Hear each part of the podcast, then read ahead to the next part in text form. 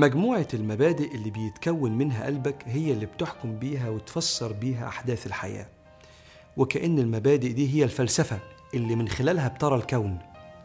علشان كده القرآن كان حريص على ترسيخ مجموعة من المبادئ اللي تكون بيها فلسفة قلبك وبيها ترى الأحداث والأشخاص والحياة ومن الواجبات على كل إنسان مؤمن أنه يتعرف على هذه المبادئ الممتلئ بها القرآن زي ما بندور على أقوال العظماء عشان ناخد منها مبادئ نفلسف بيها الحياة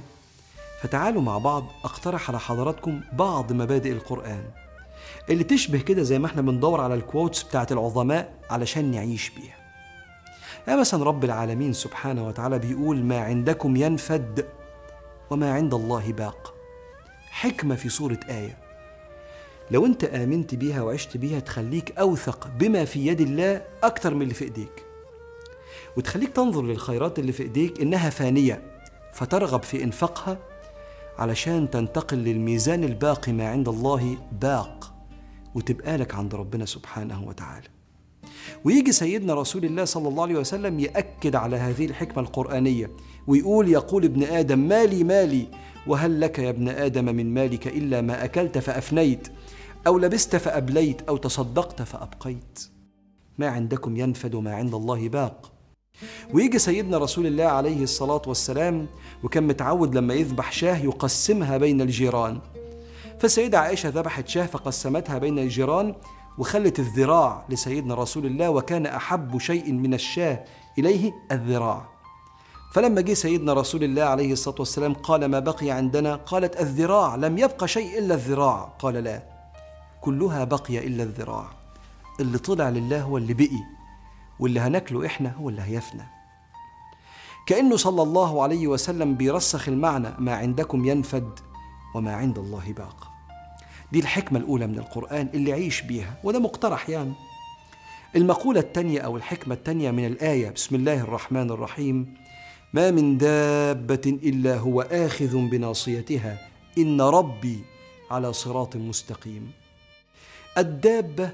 هي كل إنسان أو حيوان أو طائر أو حشرة بيدب برجليه على الأرض والناصية هي مقدمة شعر الرأس والجبهة لو اتمسكت منها تتمسك بإحكام ما تعرفش تتحرك فالآية بتقول ما من دابة إلا هو آخذ بناصيتها إن ربي على صراط مستقيم يعني الله متحكم في كل الدواب والإله المتحكم على صراط مستقيم يعني مش بيفعل خلاف الحق والآية دي من آيات السكينة اللي قالها سيدنا هود لقوم عاد المشهورين بالبطش قال إني توكلت على الله ربي وربكم لما حبوا يؤذوه إني توكلت على الله ربي وربكم ما من دابة إلا هو آخذ بناصيتها إن ربي على صراط مستقيم كأنه بيقول إلا اللي هينفعني الحقيقة إن ربنا هو اللي أخذ بناصيته ونفعني بيه واللي هيصيبني منه أذى الحقيقة أن ربنا هو اللي كان آخذ بناصيته والأذى ده كان قدر الله فيا وفيه فنحن وكل العباد مأخوذ بنواصينا ولا نخرج عن سلطان الإله والإله على صراط مستقيم لا يفعل إلا الصواب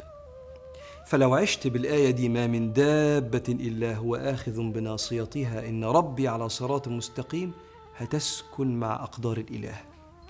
دي كانت مجموعة اقتراحات أيتين لاقتباس بعض الأقوال من القرآن تعيش بيها كفلسفة ترى بها الحياة كمل انت بقى وربنا هيفتح عليك كتير في آيات الله في القرآن فاللهم علمنا من علوم القرآن الكريم وفهمنا فهم رسولنا العظيم